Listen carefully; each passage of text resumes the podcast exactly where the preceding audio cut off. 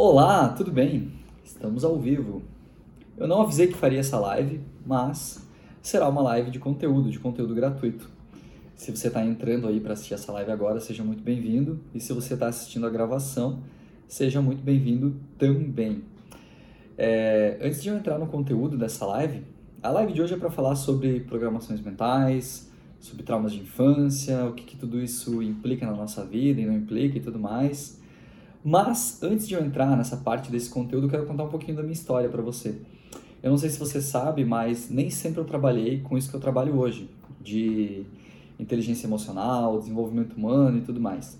Na verdade, o meu início de carreira, digamos assim, onde eu iniciei o meu trabalho, foi um supermercado. Meu primeiro emprego foi aos 12 anos de idade. Eu trabalhava algumas horas lavando caixas de supermercado.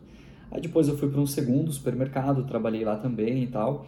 E quando eu tinha 14 anos, eu comecei a trabalhar com informática. E por que, eu estou te contando isso? Porque a gente vai falar de programação mental e eu trabalhei um bom tempo com informática. E quando eu comecei a sacar as coisas, que tudo tinha muita coisa parecida, similar e a ver, eu comecei a entender que tinha uma relação muito, muito forte. Bom, mas dos meus 14 anos até os meus. Hum, até o ano de 2014, até o ano de 2016, na verdade, eu trabalhei muito com informática.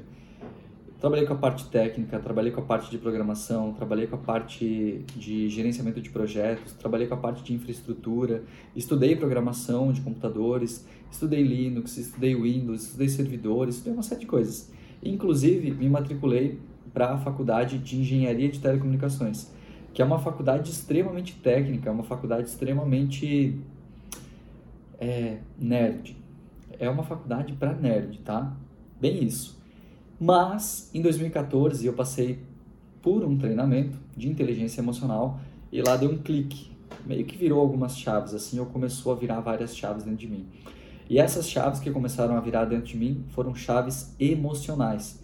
E acredite ou não, eu fui capturado da área da informática, eu fui abduzido da área da informática e eu aterrisei o meu paraquedas na área de desenvolvimento humano. Claro que não foi uma coisa assim, tipo, para de trabalhar com informática e começa a trabalhar com desenvolvimento humano. Por alguns anos eu fui fazendo uma transição, mantive as duas áreas em atuação, continuei estudando engenharia de telecomunicações, continuei trabalhando com informática e também atuando com desenvolvimento humano e estudando cada vez mais desenvolvimento humano, até que chegou um momento que aí deu o clique, não, eu vou desligar o disjuntor da informática e vou deixar aceso apenas o disjuntor do desenvolvimento humano. Mas, em 2014, o segundo treinamento que eu fiz foi de programação neurolinguística. E eu não sei se você já ouviu falar sobre esse assunto ou não, mas o fato é que entre as programações que eu tinha e que eu via lá nos computadores e as programações que eu passei a ver no cérebro das, das pessoas, a similaridade era muito, muito grande. Acredite ou não, o computador tem uma parte física e uma parte de software e nós também temos uma parte física e uma parte de software. O computador tem a parte física, que são as peças, o HD, a memória, a tela e por aí vai. Assim como nós também temos o nosso corpo físico. Claro que não é um hardware, né? ele é totalmente orgânico, químico, com diversas coisas funcionando ao mesmo tempo aí, né? dentro do nosso corpo. Mas tem também a parte de programações mentais, assim como tem a parte de programas de computadores. Dá para fazer uma analogia muito, muito, muito, muito, muito próxima. Quer dizer então que nós temos programas de computadores rodando dentro de nós? Mais ou menos por aí. Esses programas, essas programações mentais que nós temos dentro de nós, nós chamamos elas de crenças. E o que é uma crença? Crença é algo que a gente aprendeu e faz de forma automática e nem percebe mais que está fazendo aquilo daquela forma. E a gente tem crença para tudo. Tudo que a gente faz é uma crença ou é um programa mental. Tudo, exatamente tudo que você faz, que eu faço, tem programações mentais ali gravadas no nosso subconsciente. E claro, eu vou ter estratégias para fazer as minhas coisas, você vai ter as suas estratégias. Cada pessoa vai ter estratégias diferentes para realizar as suas tarefas no dia a dia, para realizar as suas coisas mais complexas. E essas estratégias são o que nós chamamos de programações mentais. Para você entender de uma forma bem simples, lá na área da informática a gente colocava, nossa, na época era CD ainda, né? Hoje nem se usa mais CD, usa pendrive, usa, sei lá, usa Bluetooth, usa rede, usa várias formas para instalar um computador, né? Mas lá na época nós usávamos CDs para fazer a instalação do Windows, por exemplo. Então, o Windows era um software básico que dava é, sustentação, estrutura para rodar os outros programas. Assim como existe o Linux, assim como existe, sei lá, sistema da Apple e por aí vai. No nosso caso, isso é muito parecido, porque todos nós passamos por uma infância. E nessa infância é como se nós estivéssemos ali instalando um Windows dentro de nós. É como se na nossa infância todos nós passássemos por essa instalação dessa programação mental básica. Se eu perguntar para você, por exemplo, assim, ó, teve cachorro na tua infância? Teve gato? Teve pai? Teve mãe? Teve talvez alguma figura religiosa? Alguma figura talvez de tios, primos? Todos nós temos essas figuras na nossa infância. Gato, cachorro, galinha, pai, mãe, tio, tia, primo. E todas essas estruturas vão compondo essa programação básica da nossa estrutura emocional e da nossa estrutura inconsciente.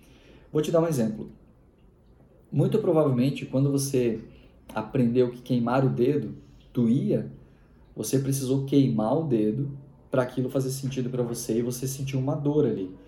Não bastou alguém chegar para você e dizer o seguinte, olha, não encosta no fogo, porque colocar o teu dedo ali pode queimar teu dedo. Você precisa olhar e testar, colocar o dedo realmente no fogo e passar por essa experiência de vida. Só que algo mágico acontece quando você experimenta algo na tua vida, seja na tua infância ou na tua fase adulta.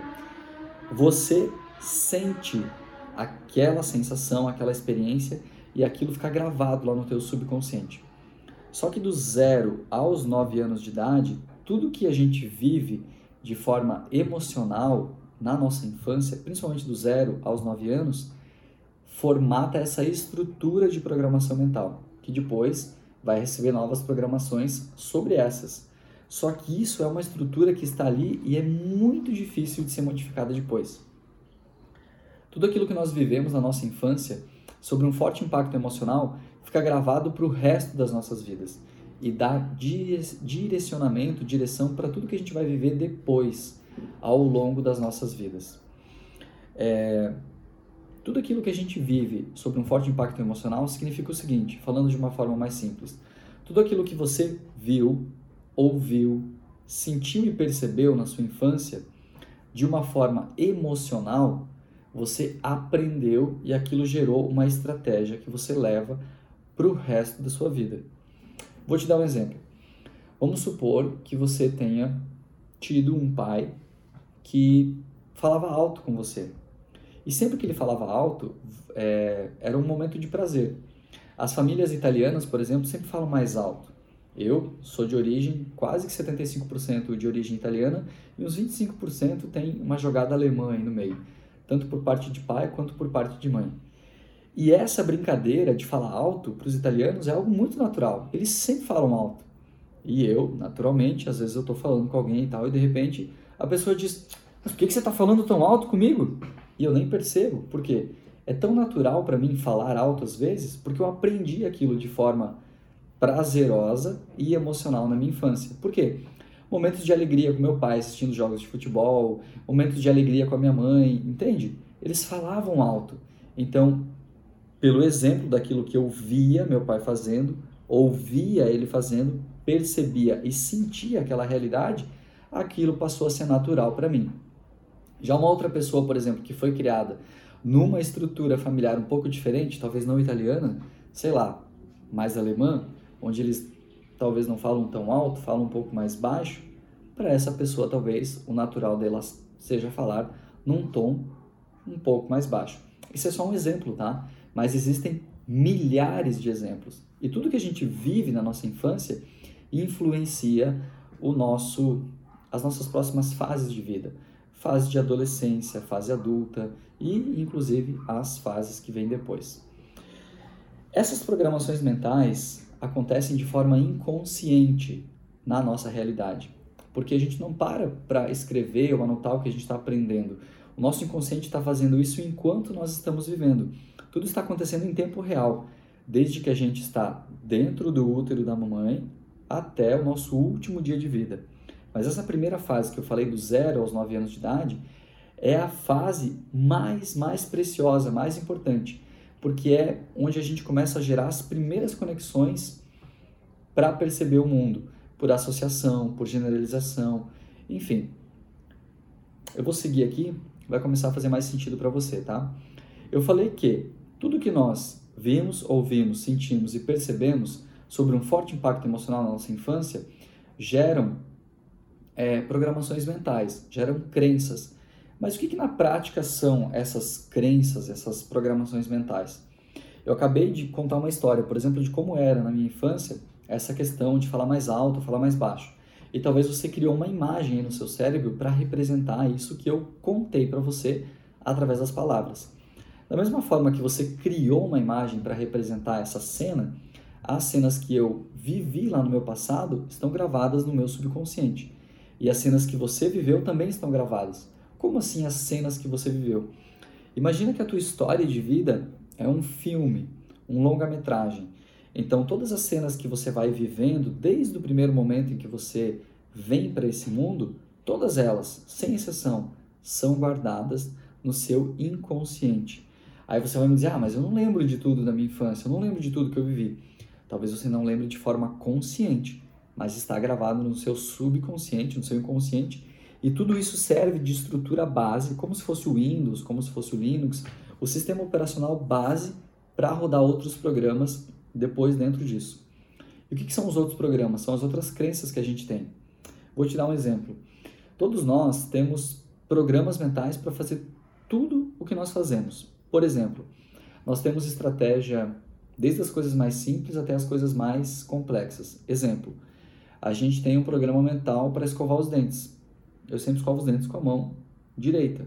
E eu sempre começo daqui para cá, depois daqui para cá. E por anos eu escovava os dentes assim. Até que eu fui no dentista e ele falou: "Não, você não pode escovar os dentes assim. Você tem que escovar os dentes assim". Então, a partir daquele dia eu mudei um programa mental meu. Só que eu tive que fazer um esforço para mudar esse programa mental, porque já estava no meu subconsciente aquela programação mental automática. Porque eu tinha aprendido lá na minha infância, naquela forma, escova os dentes assim, assim, depois assim e tal, e assim por diante. Só que desde essas coisas mais simples até as coisas mais complexas, nós temos estratégias. A gente tem estratégia para escovar os dentes, para se apaixonar, para dirigir, para ir ao mercado. A gente tem estratégia para tudo. Por exemplo, eu quando vou ao mercado, eu entro no mercado, compro o que eu quero comprar, pago e saio. Rápido, simples, direto. Tem pessoas que passam por cada corredor, verificam tudo que querem, mesmo que ela só vá pegar as frutas. Ela passa por cada corredor, verifica todos, aí ela pega as frutas e ela sai. São programações mentais que a pessoa foi criando ao longo da vida dela. Só que tanto essas programações mentais simples influenciam na nossa vida, como as programações mentais mais complexas. Porque, da mesma forma que eu escovo os dentes de forma automática, da mesma forma que eu dirijo de forma automática, da mesma forma que eu faço inúmeras coisas de forma inconsciente e automática, porque imagina eu ter que pensar em tudo que eu faço, né? Meu cérebro ia pirar, não ia dar conta de pensar em tudo. Então é por isso que ele aprende coisas e vai levando para o inconsciente, vai automatizando esses processos e vai pensando apenas nas coisas novas, para ele poder realmente dar conta de toda essa manutenção de dados, digamos assim. Mas, da mesma forma que esses programas simples, essas crenças simples influenciam na nossa vida, as mais complexas influenciam e influenciam ainda mais. Por exemplo, é, tudo que a gente vive na nossa vida hoje, ou seja, todos os resultados que nós temos na nossa vida hoje, são fruto de crenças que nós temos instaladas no nosso inconsciente. Por exemplo, o carro que você tem é o resultado de uma crença que Deixa eu só tirar essa notificação aqui. Até me perdi, mas eu vou voltar ao raciocínio aqui contigo, tá? É... Ah, por exemplo, você está falando do carro, né? O carro que eu tenho hoje, por exemplo, ou o carro que você tem hoje, é resultado de uma crença que você tem. O relacionamento que você tem hoje é resultado de uma crença que você tem. É, a casa onde você vive hoje, o quanto você ganha, ou seja, tudo que você vive hoje são resultado das suas crenças que aí sim é resultado tanto daquilo que você viveu, como também de padrões familiares. Mas hoje eu não vou falar de padrões familiares, isso a gente fala num outro momento, vou falar só de programações mentais. Eu estava falando então que tudo que a gente vive de forma emocional geram crenças e crenças são programas mentais. Mas na prática, o que são programas mentais? São imagens envolvidas por um sentimento. Vou te dar um exemplo bem simples, quer ver? Se eu perguntar, ou se eu pedir para você fechar os olhos agora, faz esse exercício. Feche os seus olhos e lembre-se da comida mais gostosa que você comeu na sua infância. Talvez você se lembre do cheiro, do gosto, talvez você se lembre quem estava com você comendo essa comida. Muito provavelmente, a comida mais gostosa que você comeu na sua infância não tem muito a ver só com o que você comeu, mas com o afeto que tem em volta daquilo que você comeu, com as pessoas que estavam envolvidas ali. Por quê? Fosse só uma comida, não teria muito sentimento, mas com quem você estava comendo, quem preparou, a razão pela qual foi preparado, todo esse contexto de amor, de afeto que tem ao redor disso, acrescentam camadas de sentimentos sobre essas imagens, sobre essas lembranças. E a gente tende a lembrar mais coisas que nós vivemos sobre um forte impacto emocional, que tiveram sentimentos, que tiveram emoções realmente fluindo ali naquele momento. Então, eu rapidamente me lembro, por exemplo, de uma comida de infância. Ó, primeira coisa que vem na minha cabeça aqui: sagu feito com vinho doce e aquele pudim é, e aquele cremezinho branco em cima. Quem é que nunca comeu isso? Isso é um prato bem típico dos gaúchos. Eu sou gaúcho. Ó, até subiu um monte de coraçãozinho aqui na live aqui, só porque eu falei do sagu, viu? Como são as coisas. Por quê? Da mesma forma como eu tenho uma conexão afetuosa com o sagu, você também pode ser que tenha. E se não for com o sagu, pode ser com uma outra comida. Outra coisa que me lembra um afeto muito grande, meu pai fazia pão. E o pão que era feito era aqueles pães de forma, sabe? É, como é que explica isso? Pão de forma, aquele pão, pão caseiro. Aqui na região é chamado de pão caseiro. Lá nós chamávamos de pão de forma, lá onde eu morava. Então, sempre ele fazia os pães. Então, ah, daí a gente comia aquele pedaço de pão com chimia, com nata. Vou até parar de falar dessas coisas que vai até dar fome. Mas tá vendo? Então, eu aprendi de forma emocional que comer pão é algo muito prazeroso. Aí tu vem para os dias atuais, por exemplo, aí tu entra nas dietas e tal, ah, mas não pode comer pão. Ah, não pode, mas olha que conflito. Racionalmente eu não posso comer o pão, mas emocionalmente eu eu tô apegado àquela lembrança, àquela imagem, aquele sentimento do pão com chimia, com a nata. Percebe? Então, ó, até, até salivei. Eu resisto ao pão, tá? Mas realmente é uma tentação muito prazerosa. E por que que tudo isso acontece? Da mesma forma, do exemplo que eu dei, é, do meu pai assistindo jogo de futebol, do meu pai é, fazendo pão. Minha mãe tá na live aí também, né? Deixa eu falar alguma coisa da minha mãe, deixa eu ver. A minha mãe faz um pão de queijo delicioso. Ela, ao invés de comprar as misturas e tal, ela compra os polvilhos, vai fazendo as misturas e tal, e assa, e aquilo dá um pão de queijo. Pensa numa coisa gostosa. Ó, quer ver outro exemplo? De infância, nós sempre tomávamos café com leite e com açúcar. Cara, para eu tirar o açúcar e o leite do café, hoje eu tomo preto. Foi um exercício muito grande. Um exercício de quê? De reprogramação mental. Por quê? Lá na minha infância eu aprendi de forma emocional que o café se tomava com leite e com açúcar. Aí, claro, chega nos nutricionistas, chega nesse mundo aqui, nesse mundo ali, não, não pode tomar leite, não pode ter açúcar. Tem que reprogramar aquilo. Já as pessoas que já vivem essa realidade, por exemplo, assim, ó, uma criança criada com pais que tomam café preto, muito provavelmente será muito mais fácil para ela já aderir ao café preto. Percebem as diferenças? E da mesma forma que se formam essas programações mentais simples, de como escovar os dentes, de como tomar café, de como fazer essas coisas, também se formam as programações mentais mais complexas. O pessoal tá rindo aí, né, do café com leite e tal. Deve ter um monte de gente aí viciada com café com leite, café com açúcar. Eu sei que é um desafio tirar isso. E por aí vai. O fato é, crença, porque ah, crença, programação mental, às vezes a gente fala disso, né, no mundo aí do desenvolvimento pessoal e as pessoas pensam, tá, mas o que, que é isso? O que, que é uma crença? Como que eu entendo que é uma crença? Crença é isso, é algo que você está vivendo na tua vida. E muitas vezes você está vivendo e nem sabe o porquê está vivendo daquela forma ou da onde vem aquilo. Só de eu ter falado esses exemplos, pode ser que já caiu, já deu vários cliques aí na tua cabeça. Nossa, então é por isso que eu sou tão apegado assim ao café com leite, ao açúcar? Ah, é por causa disso. Aí as fichas começam a cair na tua vida. E claro, quando as fichas começam a cair, você pode decidir de forma mais consciente e livre o que é melhor, o que faz mais sentido aí para você. Mas basicamente é isso, tá?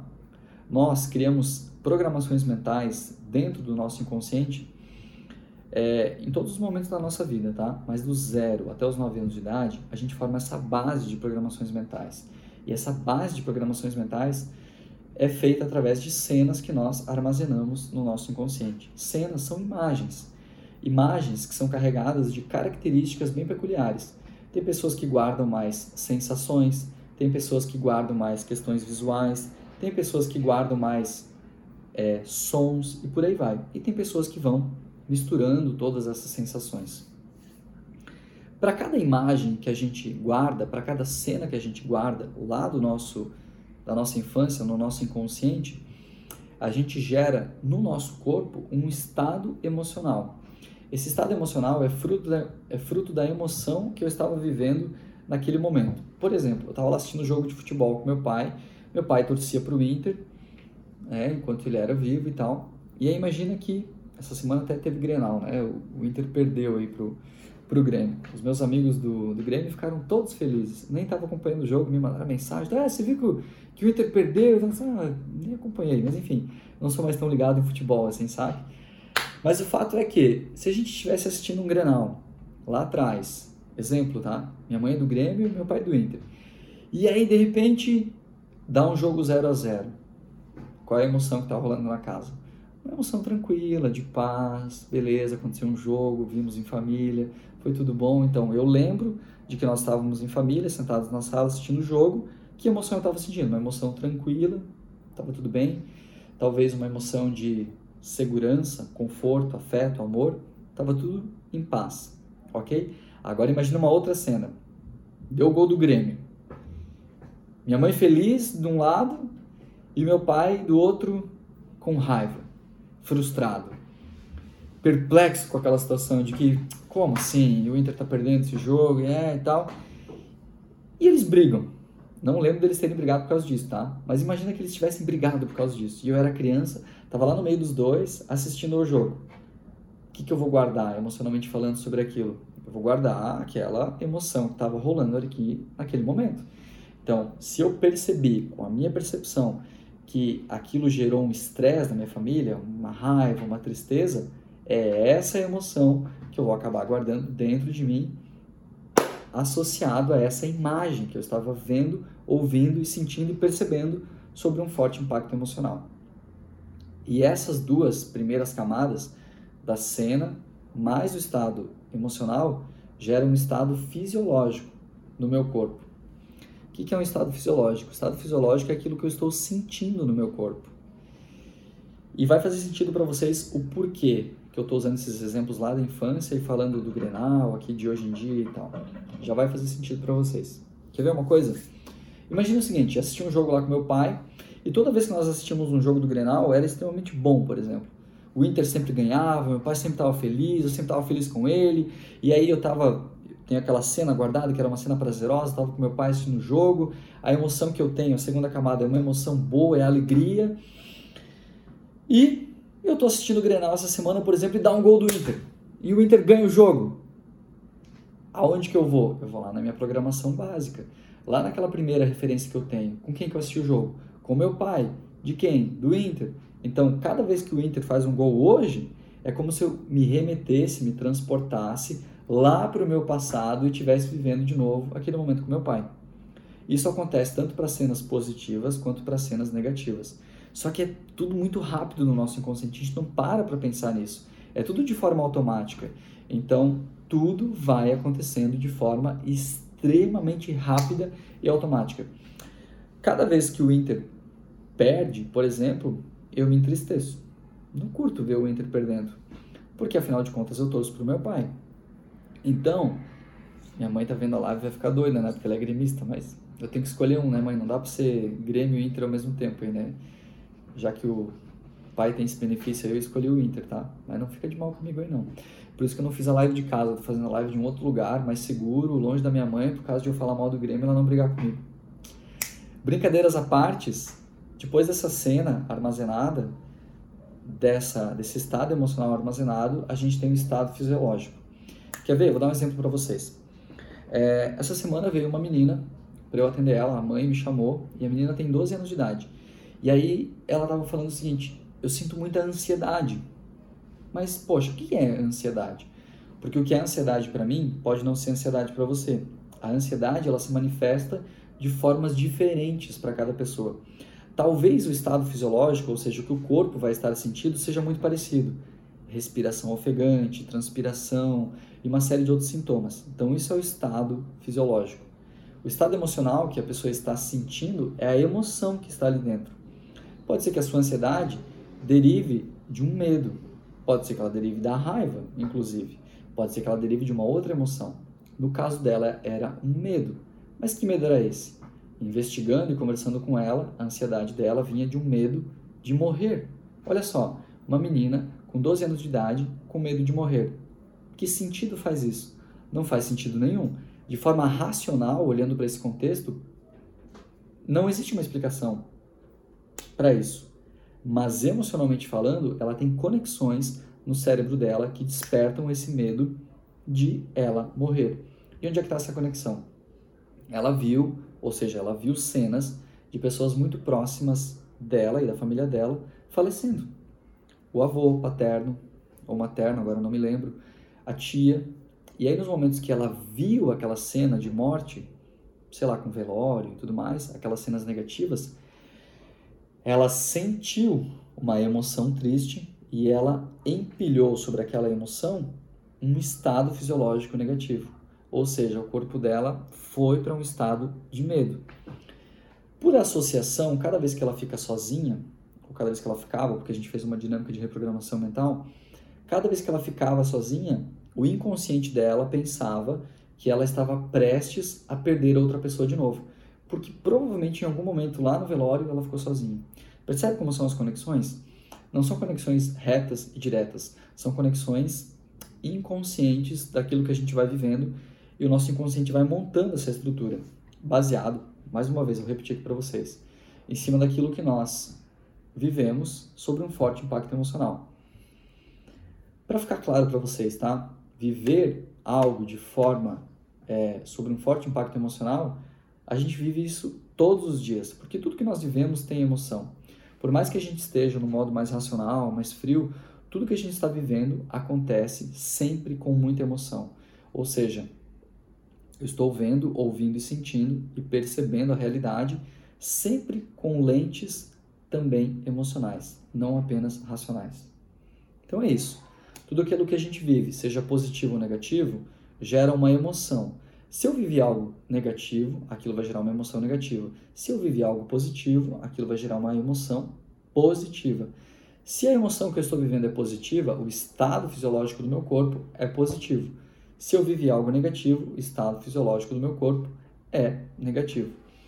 É, imagina o seguinte: eu dou um sorriso para vocês. Mostro os dentes, né? Eu dou um sorriso. O simples fato de eu dar um sorriso já dá um indicativo tanto para o meu corpo quanto para o seu que está me assistindo de um estado fisiológico positivo. Se eu faço, por exemplo, um outro movimento, imagine o seguinte: eu caio os meus ombros, baixo os meus olhos, me entristeço, falo com a voz mais devagar, mais baixa.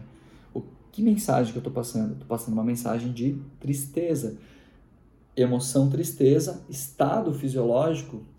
Meu corpo está assim, cabisbaixo e tal. Inclusive, inclusive tem uma brincadeira sobre isso, né? É o corpo que comanda a mente ou é a mente que comanda o corpo? Porque eu posso muito bem pensar que eu estou triste e aí o meu corpo se coloca numa posição triste. Ou eu posso pensar que eu estou feliz e eu mudo a minha fisiologia, meu estado, para um estado de felicidade. O oposto também vale. O simples fato de eu elevar os meus ombros, ajeitar a minha postura, dar um sorriso, abrir a minha postura, já manda também uma mensagem inconsciente para o meu cérebro de que eu estou num estado fisiológico positivo. E aí ele passa a sentir emoções positivas e passa a lembrar de cenas positivas. Então, basicamente, isso é uma crença, tá? Esse é o pilar de uma crença. É uma imagem, uma imagem que a gente viveu, e nessa imagem tem sons, cores, brilho, sensações, cheiros, temperaturas, sons, percepções. Nessa imagem tem uma emoção, que pode ser medo, raiva, egoísmo, alegria ou amor, ou qualquer outra emoção que deriva dessas aqui. E aí dessas emoções eu vou estar tá gerando um estado fisiológico no meu corpo. Isso, ao longo dos anos, vai criando as nossas programações mentais, vai criando as nossas conexões. Vou dar um outro exemplo lá da minha infância. É, quando a minha avó, a minha avó, a mãe da minha mãe, me ensinava a contar o dinheiro, ela separava todas as moedas maiores, de maior valor, para ela, e ela separava todas as menores e dava para mim. E aí ela foi me ensinando a contar aquelas moedas. Então, por muito tempo, eu sempre tive uma crença de que eu não merecia muito. Olha que doido que é isso. Só que aonde que estava isso?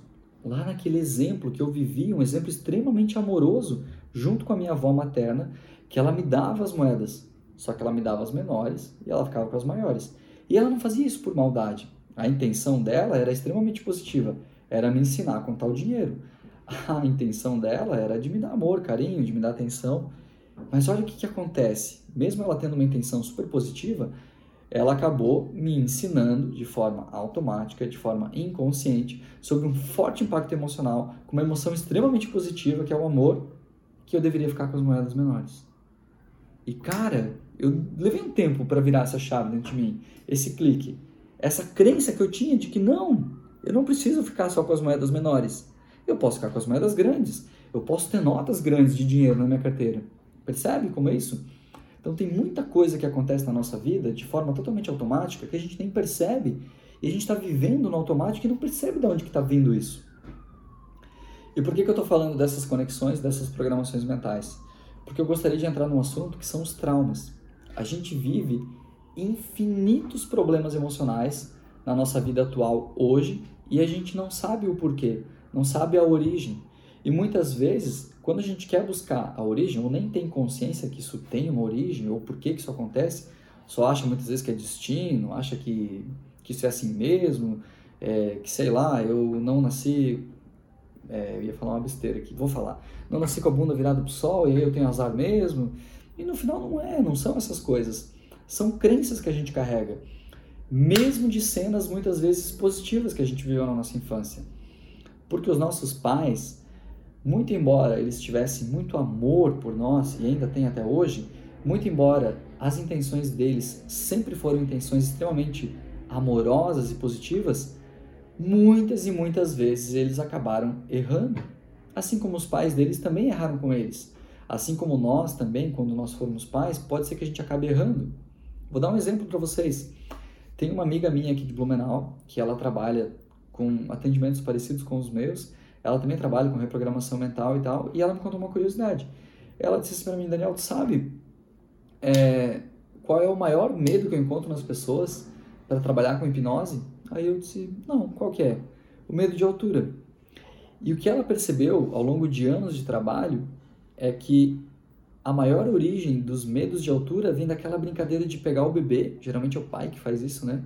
O pai ou um homem, né? E joga a criança para cima e pega. E a criança está sentindo uma mistura de sensações ali. Ela está sentindo adrenalina, está se sentindo extremamente feliz, alegre, mas ela também está sentindo o quê? Naquele momento que ela vai para cima e cai aqui. Medo.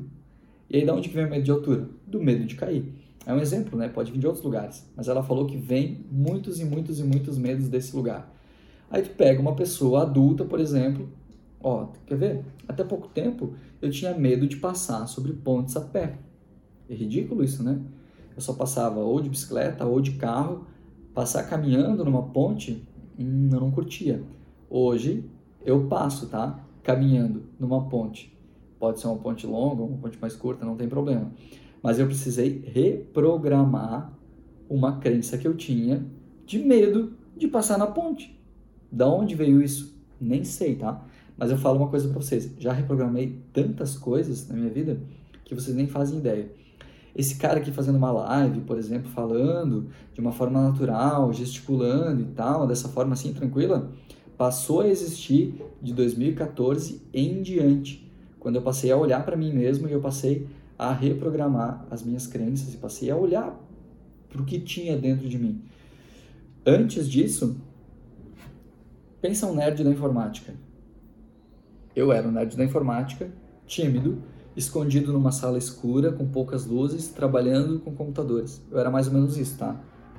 E, claro, eu me comunicava e tudo mais, enfim. Mas teve uma grande virada emocional em 2014, quando eu, pela primeira vez, olhei para os meus programas mentais. E quando a gente fala, ah, olhei para os meus programas mentais, parece que a gente está olhando para os aplicativos instalados no celular, né? Não é assim. A gente olha para o efeito que está tendo na minha vida e aí a gente acha a causa. Vou dar um exemplo para vocês. Quem me conheceu do mundo da informática vai lembrar que eu era um cara extremamente ansioso, agitado, inquieto. E quem me conhece desse tempo para cá, de 2014 em diante, vai dizer assim: nossa, o Daniel, inquieto, agitado, mas ele é todo calmo, tranquilo. Então percebe? Mas por que disso? Porque eu passei realmente por fortes reprogramações mentais. Acontece que a gente não vive uma cena na nossa infância, ou duas cenas, ou três cenas, ou quatro cenas. A gente vive infinitas cenas. Desde o momento que a gente está lá no útero da nossa mãe, até o momento que a gente está vindo para essas fases mais aqui de adolescência e adultos e tudo mais. A gente vive infinitas cenas por dia. A gente faz infinitas conexões neurológicas novas no nosso inconsciente todo santo dia. E essas conexões, elas vão acontecendo, vão acontecendo, vão acontecendo, e o nosso cérebro vai ligando esses caminhos todos. E por associação a gente vai aprendendo coisas novas. E dessas conexões,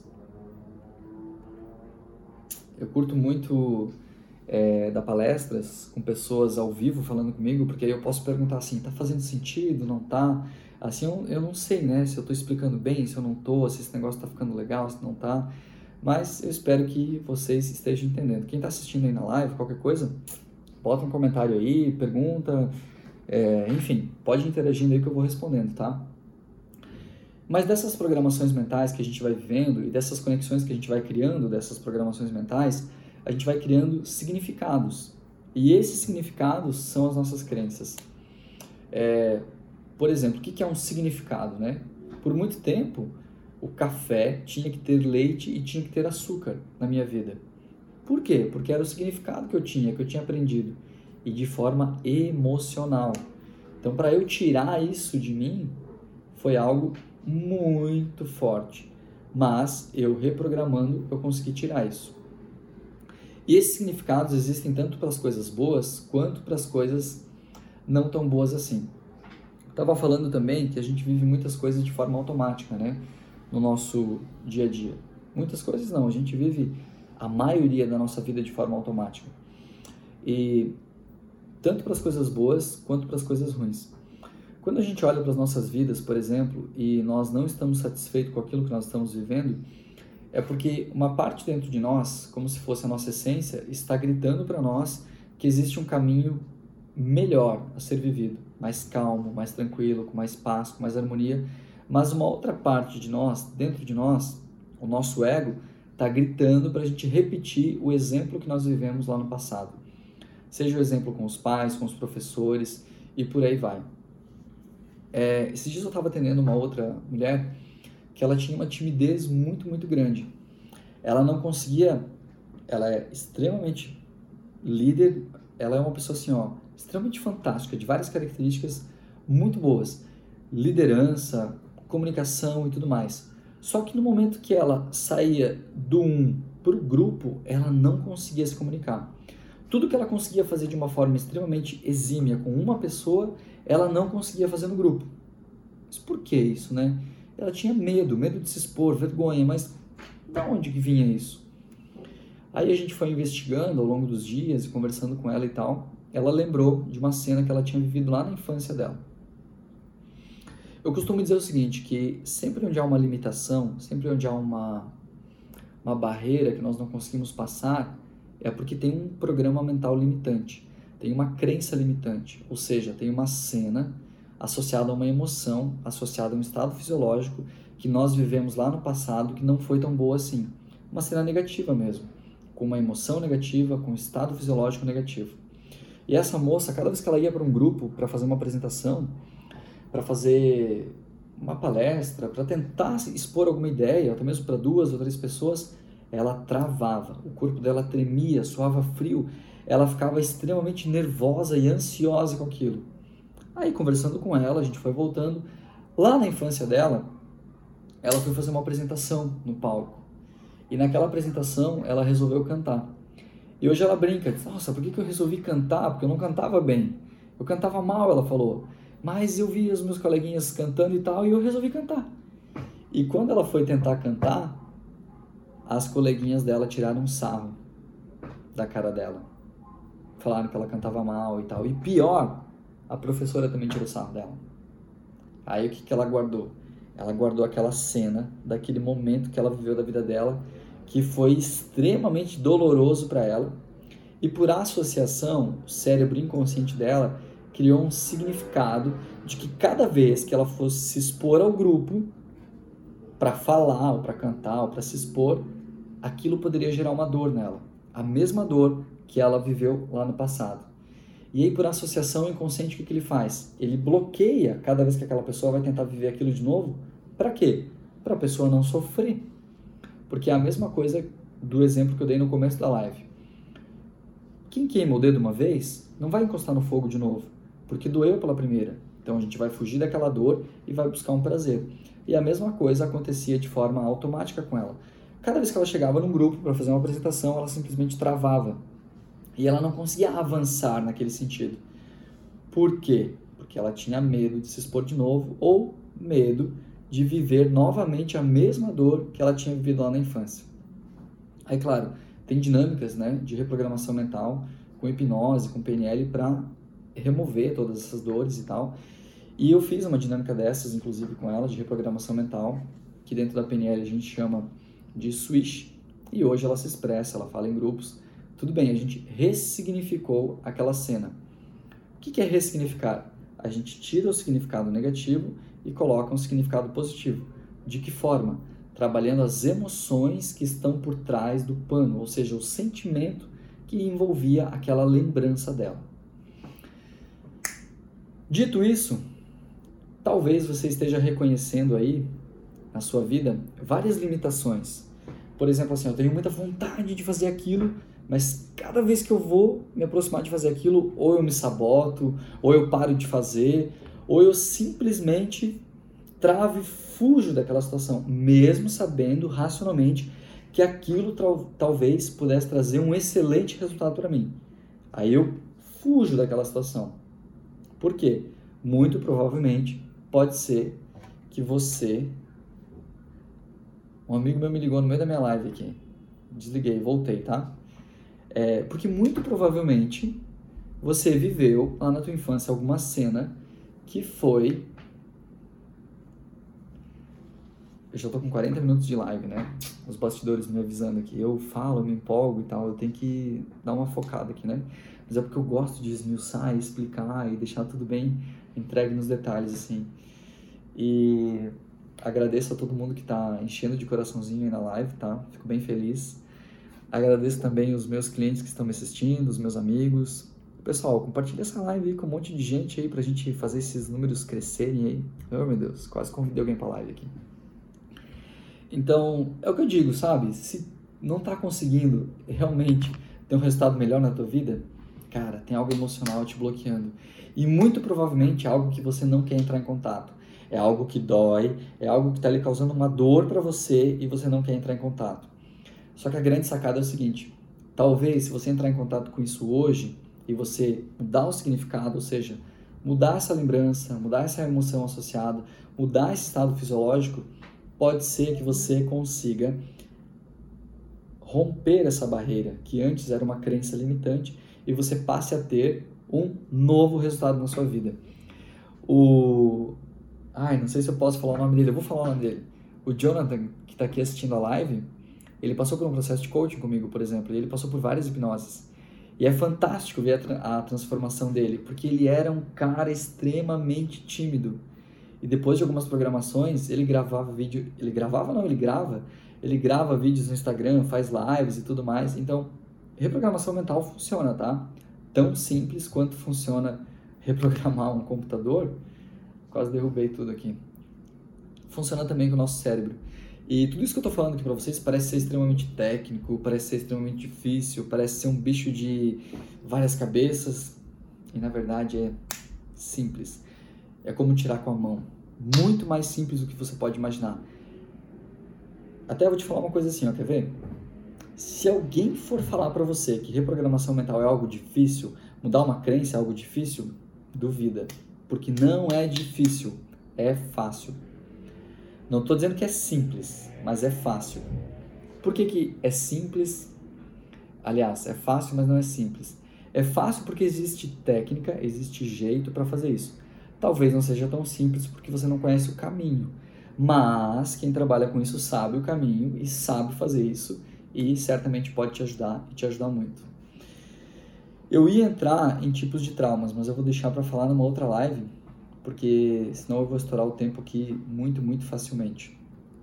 Mas isso que eu queria deixar como reflexão para o dia de hoje, tá? Para essa live aqui de hoje. Pode ser que muito do que você esteja vivendo hoje, pode ser que muito dos resultados que você esteja vivendo hoje na sua vida sejam resultados de coisas que você viveu, de cenas que você viveu, de momentos que você viveu lá na tua infância ou na tua adolescência, que são até na tua fase adulta. Talvez você nem tenha consciência disso, esteja vivendo no automático e talvez, se você desse uma pausa, tirasse o pé do acelerador e desse uma olhada para o que está passando ao redor aqui da tua vida nesse momento, você percebesse que esse local que você está passando pode ter uma mudança de rota Basta você ter um pouco de consciência sobre o que você viveu e talvez reprogramar isso. Eu poderia ficar aqui um dia inteiro falando sobre reprogramações mentais e exemplos de reprogramações mentais. Eu falei, por exemplo, assim, aqui, eu tomava café com leite e com açúcar, hoje eu tomo café preto. É, até nem falei que antes eu torcia para o Palmeiras, hoje eu torço para o Inter. Mas enfim, assim, a gente vai mudando as programações mentais ao longo do tempo. E mudar as programações que são limitantes é mais simples e fácil do que parece. E de novo, se tem alguma coisa que está acontecendo na tua vida hoje que não está acontecendo exatamente como você gostaria que estivesse acontecendo, tem algo emocional te bloqueando. Tem uma crença ali, tá? Tem uma cena, tem algo que você viveu, talvez você nem lembre, mas tem algo ali, ó, totalmente conectado. E no momento que você rompe essas conexões antigas, essas conexões neurológicas, e você cria novas conexões, novos caminhos, novas estratégias, os teus resultados mudam e você passa a ter resultados melhores na tua vida. Pessoal, é isso. Vou encerrar a live aqui com vocês. Espero que vocês tenham gostado. Depois eu vou disponibilizar essa live aqui no YouTube também. No YouTube, aqui no IGTV, vou postar no Facebook, vou postar em todos os lugares, tá? Então, o mínimo que eu quero que você faça aqui é deixar o dedo aí no coraçãozinho, como você já está fazendo aí agora, compartilhar essa live com várias e várias pessoas, para quem sabe a gente crescer, explodir esse canal e chegar nos quatro cantos do mundo, por que não, né? E brincadeiras à parte, espero que vocês tenham gostado desse conteúdo. Se você entrou no meio da live, no começo e tal, não conseguiu acompanhar ela do início até o fim, entra e assiste ela de novo aqui no meu canal do GTV ou lá no YouTube, enfim, aproveita esse conteúdo, porque vai vir mais conteúdos bem especiais, tanto quanto esses aqui, e eu espero que de alguma forma eu tenha te, sei lá, virado alguma chave dentro de você. Talvez tu tenha percebido que tu tem alguma crença e tu pode mudar. Talvez tu tenha sacado, tá, então se isso está acontecendo na minha vida, é minha responsabilidade, sou eu que tenho que mudar isso. Não sei. Talvez alguma ficha tenha caído aí para você. E se alguma dessas fichas caiu, eu já vou ficar muito feliz, porque o meu dever de contribuir contigo de alguma forma, te doando esse conteúdo, te dando essas informações, tentando te explicar tudo isso, já vai ter valido a pena para mim. Por uma sexta-feira à noite, é isso. Vou liberar vocês agora para saírem, festarem e se divertirem e aproveitarem as noites de vocês. Vou deixar um grande beijo no coração de vocês, um grande abraço. Obrigado por todos que me acompanharam aqui. Foi muito especial estar com vocês nessa live. Peço desculpas porque eu não avisei, eu simplesmente bati no botão aqui e saí fazendo uma live, né? Não avisei que ia ter a live e tal. Mas eu pensei, não, eu vou fazer, vou me desafiar, vou fazer essa live de uma vez por todas, e aí eu começo a fazer outras lives, gravar mais conteúdos e tal. Foi pra romper a barreira, sabe? A barreira inicial. Tá ok? Galerinha que estava aí me assistindo, um grande beijo no coração de vocês e tchau, até mais. Vamos encerrar a live.